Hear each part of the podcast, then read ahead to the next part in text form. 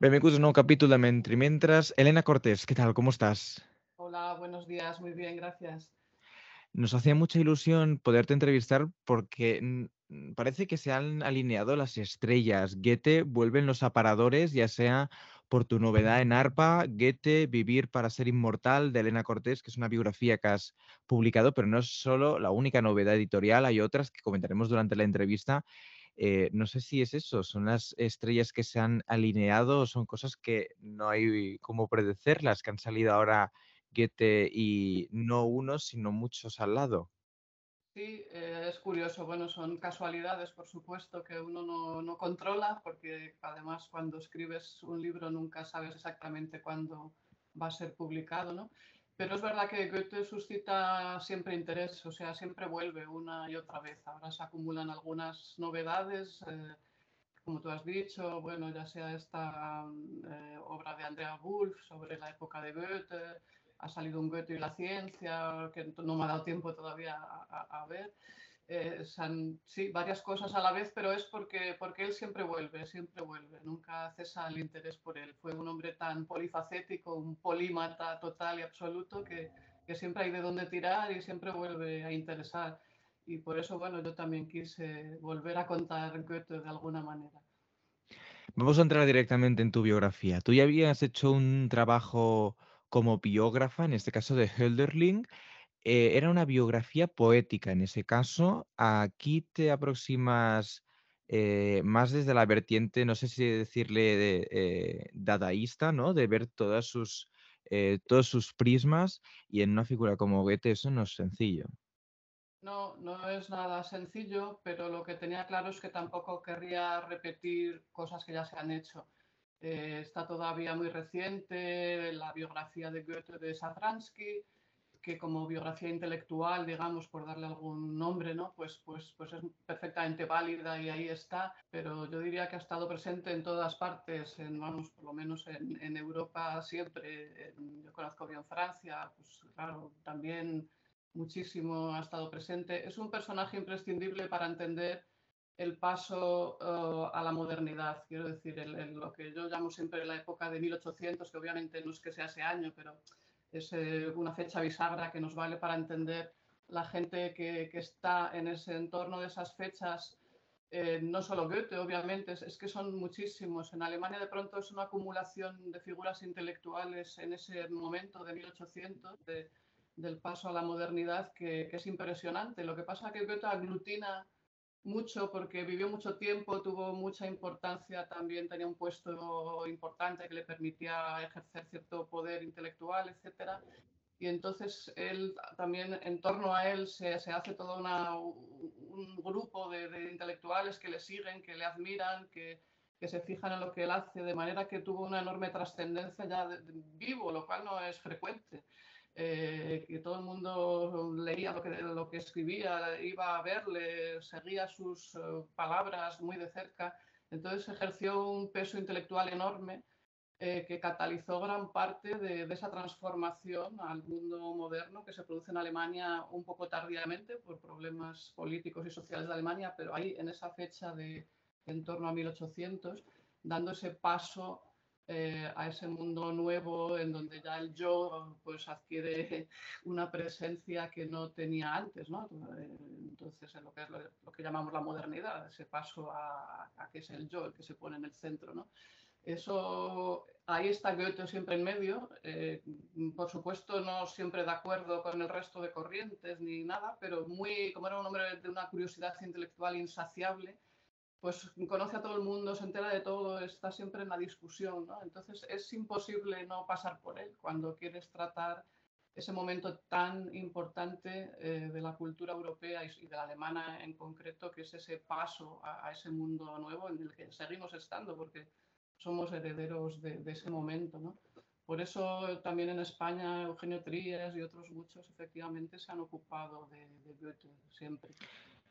En el caso de Eugenio Trías, pero también hay otros estudiosos de la literatura que hablan siempre, de, bueno, también Walter Benjamin, hablan de, del burgués, esta idea de Goethe como burgués. Mm, ¿Por qué se ha alargado tanto esta idea? ¿Es en consonancia con lo que decías ahora? ¿Es esta idea de modernidad? ¿Es el primero no aristócrata? Sí, eh, efectivamente, si bien todo esto tiene, se puede ver desde muchos lados. Eh, además, claro, vivió mucho tiempo, tuvo distintas etapas, no es fácil decir, era así o pensaba esto, pues, pues depende, ¿no? Depende también en qué momento de su vida lo tomes. Eh, la situación política de su época fue muy, muy complicada, muy convulsa y Goethe pasa de ser considerado por la juventud de su tiempo como, como el gran progresista, modernizador, etcétera, a que al final de su vida lo consideraban un reaccionario. De manera que em, se le puede ver de muchas maneras y todo habría que matizarlo mucho, porque cuando te das cuenta de las convulsiones políticas no era nada fácil en ese momento decidir de qué lado estaba uno ni, ni qué lado era el bueno, porque ninguno era bueno, quiero decir, todos tenían sus, sus, pros y sus contras, ¿no? Por ejemplo, el del, nacionalismo que surge con Napoleón y cómo él se pone de un lado o de otro, y bueno, son, son asuntos bastante delicados, ¿no? En todo caso, sí que él representa esa nueva generación que, que ya no es la aristocracia la que domina, sino que es el hombre mm, burgués, el que llamamos el burgués, el hombre corriente, el ciudadano corriente, pero con una cultura ya que, ha podido acceder a ella y que, que, ya toma el relevo, ¿no? Y es la generación que toma el relevo y todos los intelectuales de esa época pues son este tipo de gente, eh, que se han educado en familias burguesas más o menos acomodadas o más o menos sencillas, pero que ya no pertenecen a la aristocracia. Y que, y que toman el relevo intelectual y poco a poco el poder social, claro está también, ¿no? Con cierto retraso Alemania debido a todo el periodo convulso de guerras de religión, etcétera, que, mantuvo el país bastante atrasado y también la, estructura territorial, que no ayudaba a nada, porque era un puzzle de, estados que no ayudaba a tener un, cambio político, porque ¿dónde lo cambiabas? ¿En, cuál de los 350 estados? ¿no? el, sistema. Entonces eso era, era bastante complicado, de manera que Alemania arrastra bastante atraso, pero ahí con Goethe y con esta generación se da ese salto, ¿no? Y por eso hay una eclosión intelectual sin precedentes. De, repente es que se acumulan, no sabes por dónde empezar. La lista es casi infinita en esa época de, escritores, de filósofos, de pensadores que están ahí cambiando las cosas. ¿no? Es, un, momento sumamente emocionante de la historia de Alemania. Y claro, Goethe con sus obras, eh, que, como todo el mundo lo leía y le seguía, pues se convierte en un modelo y él plantea ahí ese tipo de hombre, ¿no? por ejemplo, en el Wilhelm Meister, el Guillermo Meister, ¿no? como se decía antes, que se traducía el nombre, pues eh, es, un hombre corriente que, vas viendo cómo va buscando un camino ¿no? Eh, en su vida y cómo se va formando, las cosas que le interesan y, representa ese nuevo hombre efectivamente. ¿no? Eh, también el Werther incluso es, ese hombre nuevo, moderno, que no pertenece a la aristocracia y, que al final no se suicida solo como se dice por amor, ni mucho menos se suicida porque no encaja en ese mundo todavía demasiado mm, del absolutismo, son los últimos retazos ¿no? Del absolutismo aristocrático y no, no, no, es, para él no es posible ese tipo de vida, que tiene otras aspiraciones ¿no? y eso le lleva a esa frustración vital enorme. ¿no? Entonces, las obras de Goethe ejercieron enorme influencia y presentaban a ese nuevo hombre, entonces por eso tiene tanta trascendencia. ¿no? Estamos hablando hoy con Elena Cortés, que ha publicado una biografía, pero no solo has publicado una biografía, también lo has traducido y lo conoces bien. Hay el elemento que lo concentras en uno de los capítulos de tu biografía, que es la tensión entre verdad y vida, o literatura y vida. Y de, alguna, de algún modo em, hablas también de lo que es en el fondo la idea del artista moderno también. Y yo te quería preguntar justamente, porque tú que conoces sobre todo su obra y has hecho un gran esfuerzo para trasladar el Fausto, el Diván, pero no solo esto, otras obras eh, y tantas otras obras del alemán al castellano, te quería preguntar por, por esta tensión permanente, es decir, cómo nos ha llegado sobre todo como la idea de un mito moderno, porque nos ha llegado la idea o la imagen de Goethe haciendo cosas seguramente porque en Poesía y Verdad aparecen muchas de estas cosas, pero también porque nos ha divulgado a partir ¿no? de apócrifos o su existencia toda su biografía y grandes eh, imágenes que conciernen a, su, a, su, figura. Sí, eh, es que Goethe es, muy moderno en, esto, bueno, en toda su obra. Sus obras son, muy, son de una gran originalidad a lo mejor ahora no nos damos cuenta hasta qué punto eh, rompía con, con, lo que era lo normal en su tiempo, ¿no? Y uno de los aspectos es precisamente lo que estás comentando, ¿no? Es su, su propia visión de sí mismo como artista, cómo lo refleja en sus obras y esa mezcla que hace de, de, vida y ficción que nunca sabes bien dónde estás. Es decir, esto que se llama ahora autoficción y que tanto se, se lleva, está muy de moda y bueno, esto ya lo había hecho todo el rato, ¿no? Y, y sin decirlo además. Entonces, o, diciéndolo según los momentos, ¿no? Porque claro, en, poesía y verdad sí que, sí que lo dice y, y, además yo lo comento, pero claro, cuando traducimos poesía y verdad está bien, no, no, no, digo que esté mal, ¿cómo lo vas a traducir? Pero en realidad en alemán suena un poquito distinto, eh, suena más a ficción y verdad. Y eso cambia bastante las cosas, ¿eh? porque claro, la palabra Dichtung es cualquier invento creativo que pongas por escrito, no, solo versos, sino cualquier tipo de escritura, y suena, a, estás ficcionalizando. Entonces, si tú dices Dichtung und Wahrheit, que no es poesía, que también existe, und Wahrheit, eh, está introduciendo un pequeño guiño, como diciendo, bueno, mm, eh, esto también hay ficción, es decir, estoy ficcionalizando también mi vida. Y lo que está haciendo supuestamente, y ese aspecto tiene, es una autobiografía, intelectual, porque lo que le interesa es contarse a él como artista. ¿eh? O calla muchísimas cosas de su biografía íntima. Solo presenta las que le parece que está bien presentar para quedar como artista. Es decir, es absolutamente manipulado esa autobiografía. Eh, y entonces va mezclando y contando y él mismo nos hace el guiño de decir, bueno, lo estoy contando yo a mi manera y como quiero. Es decir, tampoco esto es la verdad absoluta sino cómo presento yo mi vida y cómo quiero que me recuerden y cómo quiero que recuerden mi obra. ¿no? Entonces eso ahí hasta lo deja más o menos claro o hace un guiño, pero es que en sus obras supuestamente de ficción hay mucha autobiografía también. O sea, va metiendo grandes, mm, todo el rato cosas que le han sucedido o de sus obras, que hace mucho collage, hace mucho pastiche, mete, materiales diversos. Él aprovecha mucho fondo de cajón en todas sus obras. ¿no? Y entonces es una mezcolanza muy moderna en la que se mezcla la ficción, la realidad, su vida, materiales que aprovecha, ensayo, no ensayo, todo ahí metido en un batiburrillo, ¿no? Pues, pues, tipo obras como El viaje a Italia o como El diván o como cualquiera, es que mete de todo ahí. Entonces eso es verdaderamente una forma muy moderna de escribir y una forma de, cómo él se quiere presentar como artista eh, que aprovecha ya sea las obras más biográficas, ya sea las más de ficción, constantemente, tanto para hacer ficción de verdad como para presentarse también, para hacer autoficción. Así que es algo verdaderamente muy, muy sugestivo y muy moderno. Hay una cuestión que es la epistemológica y que de alguna manera se vincula también en el, en el acto creativo. En ese sentido, si bien es cierto que contiene una gran disertación, necesita investigar todo lo que habla. Creo que en una conferencia hablabas justamente del Fausto, ¿no? Y todo lo que se documenta del carnaval de Florencia, si no lo digo mal, ¿no?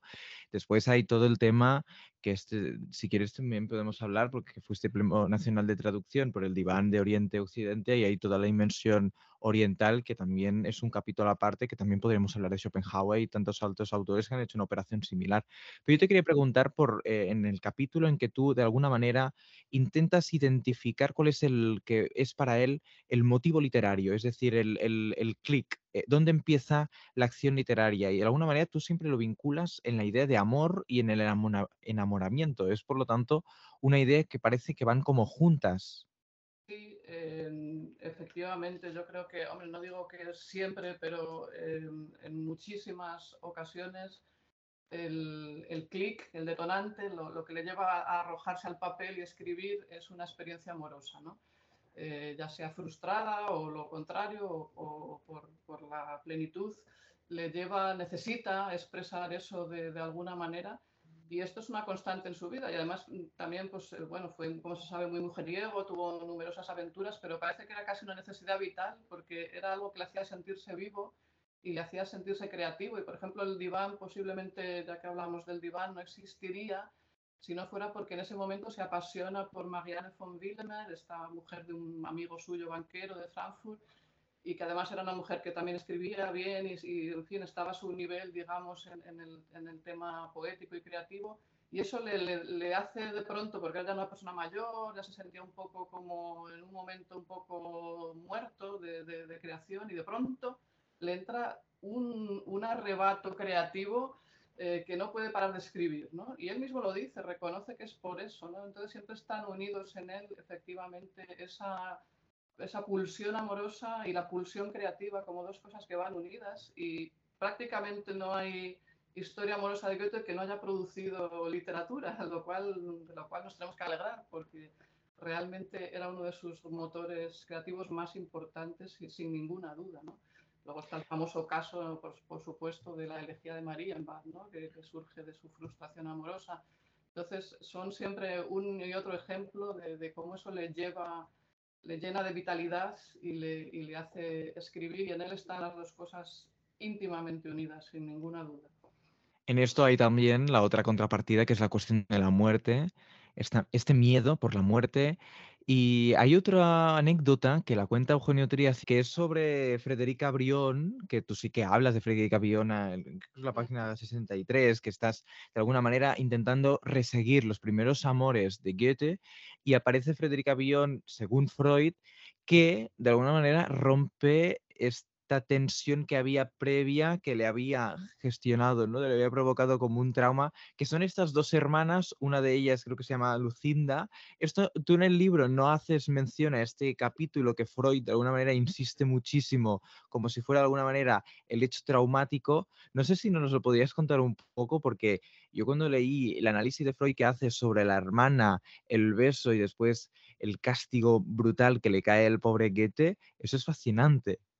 Sí, bueno, lo que pasa es que yo creo que lo ha sobredimensionado mucho eh, Freud, porque la verdad es que en Goethe esto era constante, este tipo de, historias.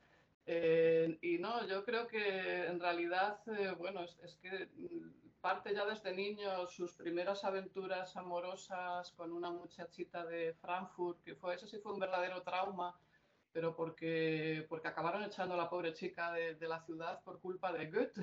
Bueno, por culpa de Goethe en parte, vamos, no solo el pobre, ¿no? Que era un jovencito y, se había enamorado de una muchachita del pueblo que tenía muy malas compañías, estaba metida en una pandilla de, de semidelincuentes juveniles de la época, digamos. Aquello acabó degenerando y se supo y entonces, bueno, puso en un grave aprieto tanto a Goethe, que se las vio tiesas con su padre y con toda la sociedad de, de Frankfurt, como un hijo de buena familia andaba con esos medio delincuentes, y a la pobre chica que tal, y esta se llamaba Gretchen, que luego la recoge como nombre en la Margarita del Fausto, y fue un gran trauma para él, ¿no? esta, esta experiencia, que es la primera que conocemos eh, así importante en su vida. Y yo creo que luego la otra, esta de las hermanas, se sobredimensiona, mientras que Fiderique Brion sí que fue efectivamente eh, un amor importante para Goethe, porque además lo, como siempre le pasaba a él, como era un artista realmente de mentalidad, eh, lo vivió como algo literario, eh, este amor, desde el principio. El, amor por Friederike, ¿no? Brión, la hija del, del, pastor protestante de un pueblecito allí cerca de Estrasburgo. ¿no? Y mm, en cuanto la vio fue un flechazo porque se creyó que estaba viendo los escenarios del vicario de Wakefield, que era una obra muy de moda en la época, le, le encantaba esa novela. Y entonces dijo, ya está, es esto, justo el párroco, la hija, el tal, el, la campiña, bueno, todo lo mismo. Y entonces estaba enamoradísimo de ella porque era un personaje del vicario de Wakefield, o sea, para él era eso. Y, y la vive de esa manera, con unas lentes literarias puestas todo el rato, ¿no? Y sí es un, uno de sus primeros amores verdaderamente importantes, donde ya se ve que en eso sí puedo coincidir, como que hay un cambio a partir de ahí, como que ya eh, tiene una forma más em, madura, digamos, de vivir sus experiencias amorosas. Eh, pero bueno, como digo, mm, creo que este tipo de cosas, como lo que cuenta Fred, son, son permanentes, es decir, no, no, no, no, es solo esa historia de las hermanas, sino una constante en, en la vida de Goethe.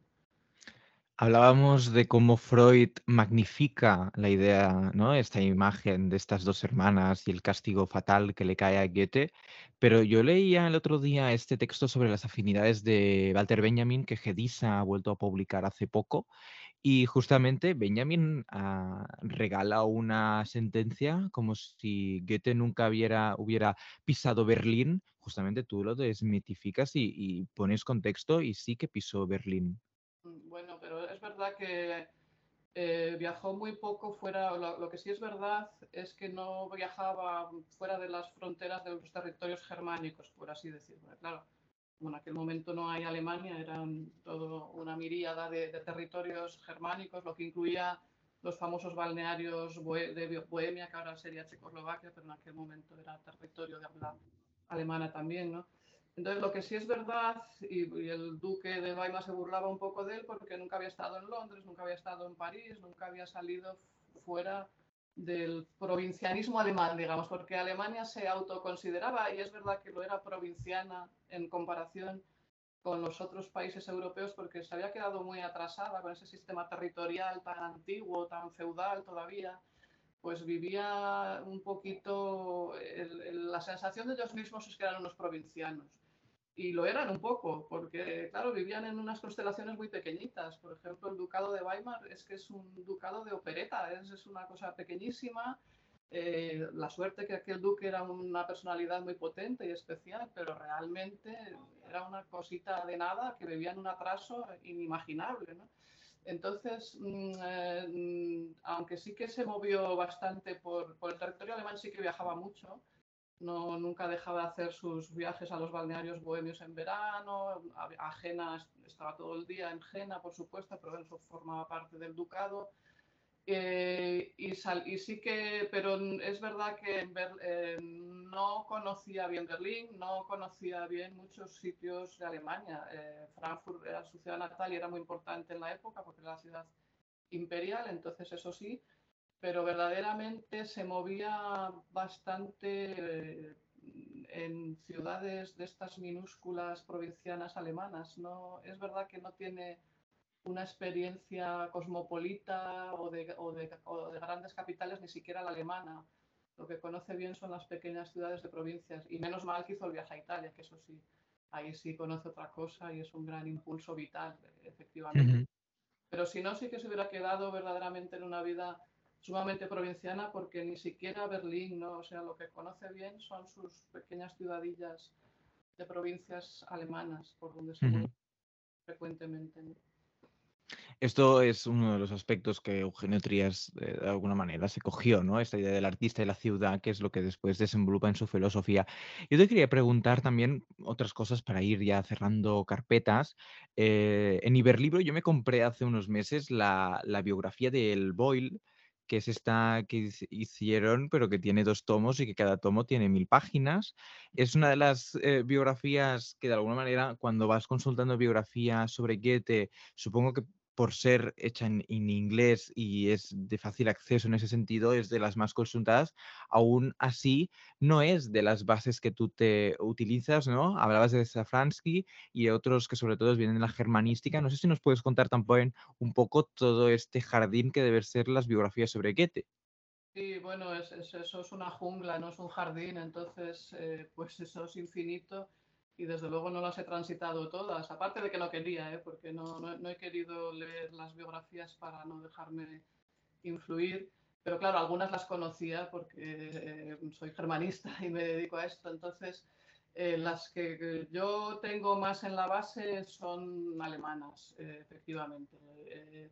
pero no solo, por ejemplo, biografías, como digo, más académicas e intelectuales como la de Safransky, sino, por ejemplo, algunas autoras que sí que cito bastantes veces, como Sigrid Damm, que es una autora actual, que ha biografiado muchos aspectos de la vida de Goethe. Eh, por ejemplo, la, imagen que transmite de la mujer de Goethe, pues hay un antes y un después de la biografía que ella hace de, esta mujer, de Christiane Gulpius, y del propio Goethe y de sus nietos y de muchos aspectos de la vida de Goethe, pues los ha investigado con una visión ya más moderna, porque hubo mucho tiempo en que como a Goethe le tenían un pedestal, pues había muchos temas que ni se entraban ellos ni se tocaban.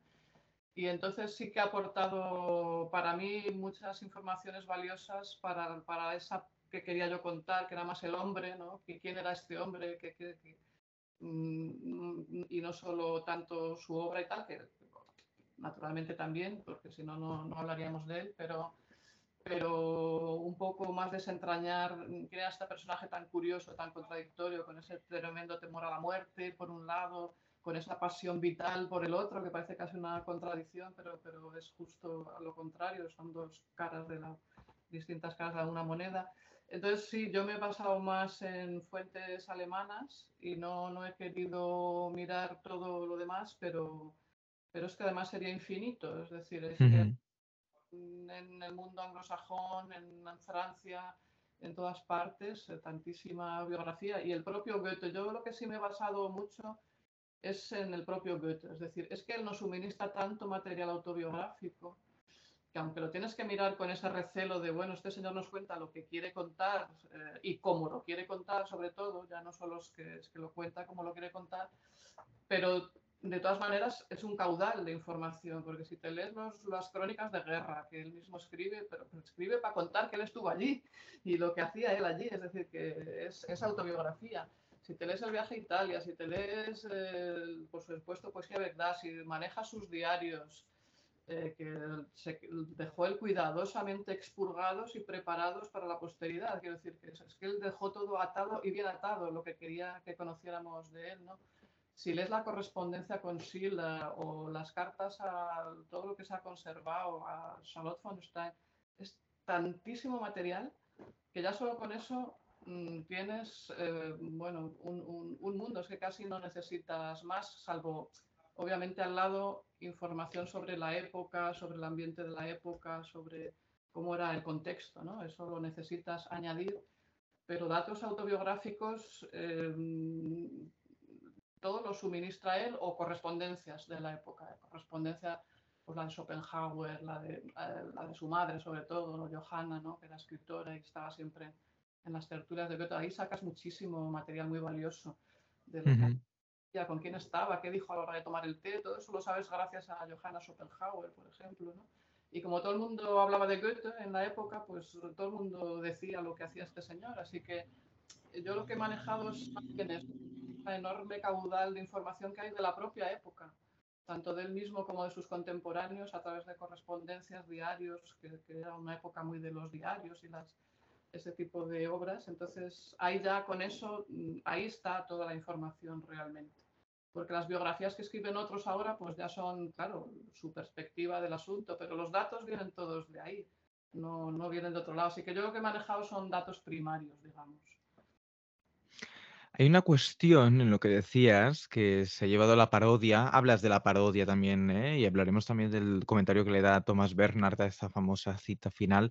Pero yo te quería decir, porque un día nos, nos llegó que había profesores aquí en Barcelona que decían, eh, como decía Goethe, ¿puedo ir al baño? O, eh, como decía Goethe, eh, ¿puedo hacer una tortilla para cenar? Es decir, como decía Goethe, se puede decir todo, porque todo ha sido dicho por Goethe. Efectivamente, sí, sí, eso ya es gracioso, porque efectivamente no hay cosa que no haya dicho, no hay una sentencia que no se ajuste a cada momento y ocasión.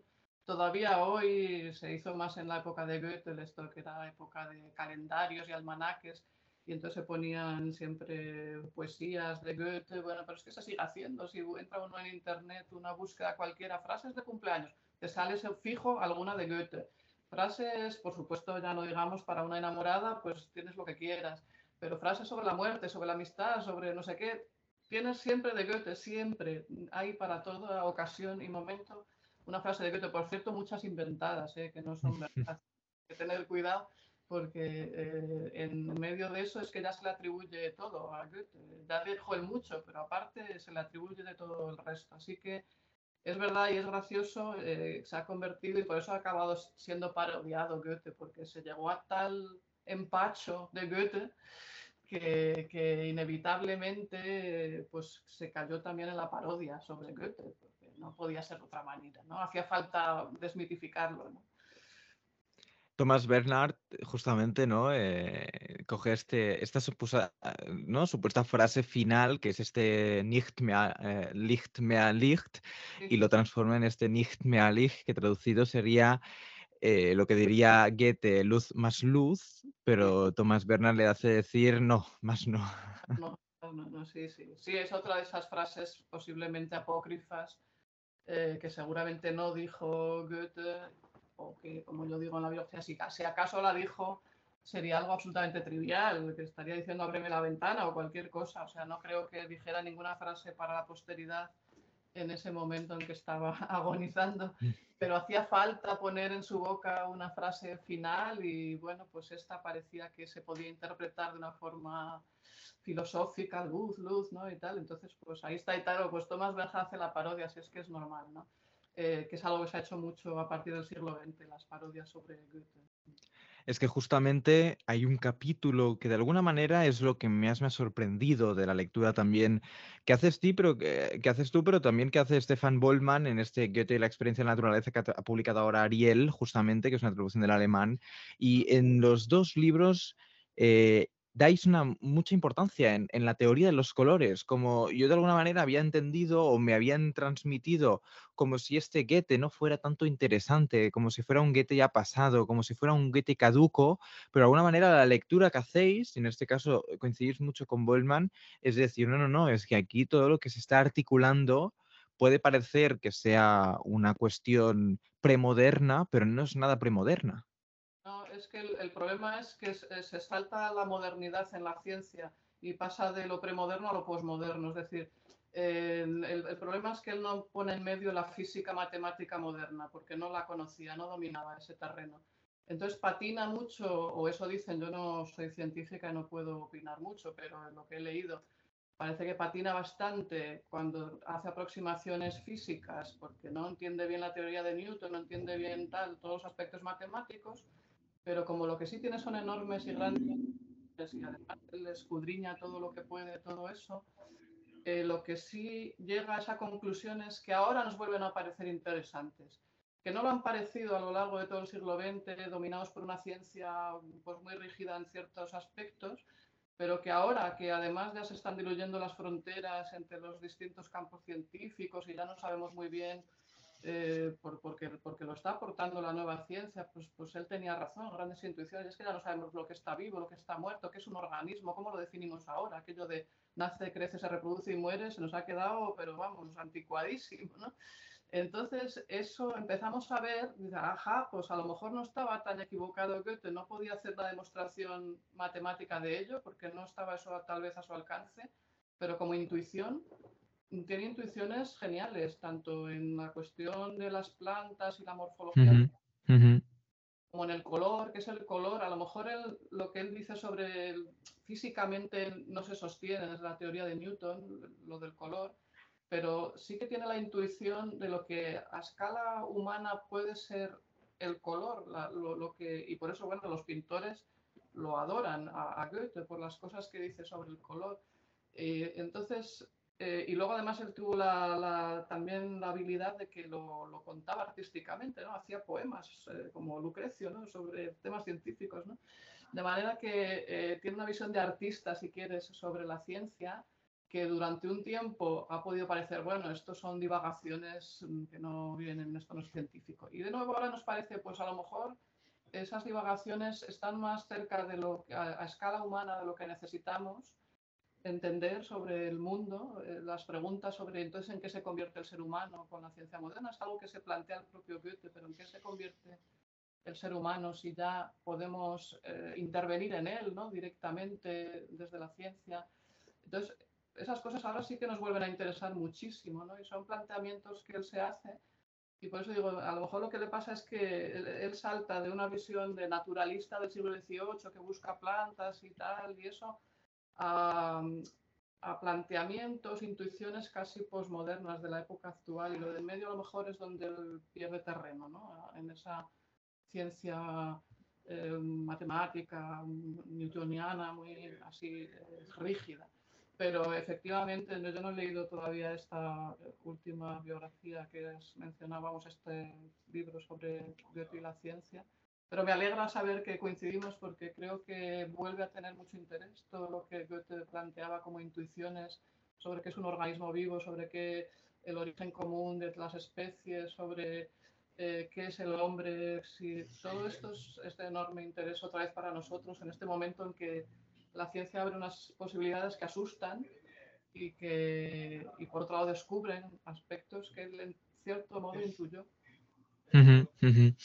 Pues ya para ir terminando la entrevista, yo quería hacer el puente con el diván que te mereció el Premio Nacional de Traducción, con esta cita que también no sé si es apócrifa, pero que también citamos, que es cuando leyó El Príncipe Constante de Calderón de la Barca, dijo, eh, podemos reconstruir toda la poesía occidental solo con El Príncipe Constante de Calderón de la Barca ahí hay ya una aproximación en la dimensión de Oriente, vista en ese sentido por la construcción del Oriente que es en Calderón, esta tensión ¿no? entre el, rey de juez y todo eso.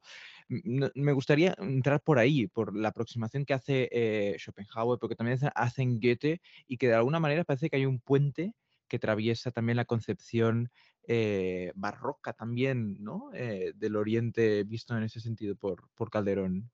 Sí, sí, sí, bueno, Calderón es verdad que, lo leyó y le impresionó eh, a Goethe, eh, como a muchos de la época, ¿no? En la época romántica, que es cuando descubren la literatura española barroca y, bueno, y de la época de Cervantes y demás.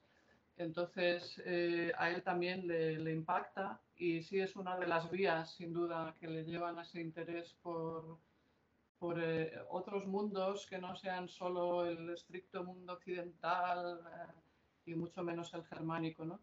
Y entra en ese interés por el oriente eh, y lo que acaba él haciendo es algo muy original, una vez más, como casi todas sus obras, porque no se acerca al Oriente para, solo para contar cómo es Oriente o hacer un tratado sobre Oriente o o, incluso traducir las que, ya lo habían hecho otros en su época, poesías eh, del mundo oriental, sino que él lo hace para, para, crear una fusión total con él, con el oriente, para realmente que no puedas distinguir, y es lo que hace en el diván, qué es oriental y qué es occidental aquí, qué es de Goethe y qué es de los poetas persas. Él no lo dice jamás, y si no haces una labor de, escrutinio muy cercano, nunca sabrás si está versionando un poema persa o está haciendo un poema suyo al estilo persa o, está haciendo un poema suyo al estilo suyo. Es decir, hay de todo en el, en el diván. Hay poemas completamente suyos y a su estilo propio, poemas basados en y poemas directamente versionados, prácticamente una traducción pasada por su estilo y lo hace adrede, quiero decir, lo que quiere es, es, poner todo al mismo nivel y que no haya diferencias y, unir esos dos mundos que nos parecen tan apartados, pero que aquí también en España, por nuestra tradición oriental, hemos tenido también esa fusión, que quisiéramos o no, porque, porque fue una realidad de, de España. Y entonces él, para él eso es un modelo, habría que lograr esas fusiones culturales en lugar de estarnos siempre mirando el ombligo, por así decir eh, y, no despreciar o creer, bueno, poesía medieval, persa, pues muy interesante, pero ¿qué tiene esto que ver con nosotros? ¿no?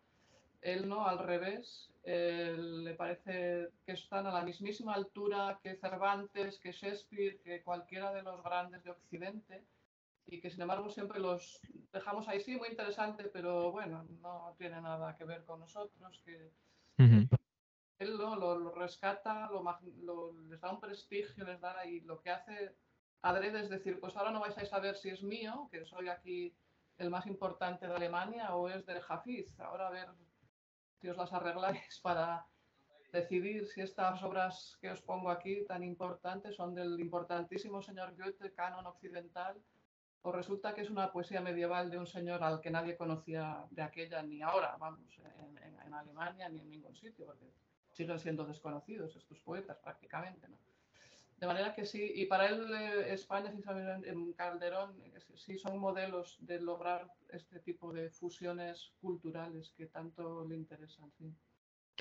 Elena, ya para terminar la entrevista, recordar a la gente que nos está hoy escuchando que el libro, el que has publicado en ARPA, Goethe, Vivir para ser inmortal, contiene al final una cronología y también una herramienta para mí fundacional, que es esta guía de lectura de las principales obras de Goethe. Y ahora que estábamos hablando del diván, entonces ahí hay una gran introducción, una guía de lectura. Y ahora que en Cataluña, aquí en Barcelona, viene San Jordi y se va a publicar en catalán eh, las afinidades selectivas con una nueva traducción, pues tenemos esta guía de lectura también para transitar las guías, eh, las guías eh, en, ese sentido, las afinidades, pero también toda la obra de Goethe que podemos ir recuperando en bibliotecas y donde sea. Sí, realmente la, intención última de mi biografía era solo esa. Eh, aunque parece que a lo mejor no sé si queda evidente, pero mi, intención última, tal vez porque soy profesora, era esa, conseguir despertar a través del personaje las suficientes ganas como para volver a la obra de Goethe, para que nos entre ganas de leerlo.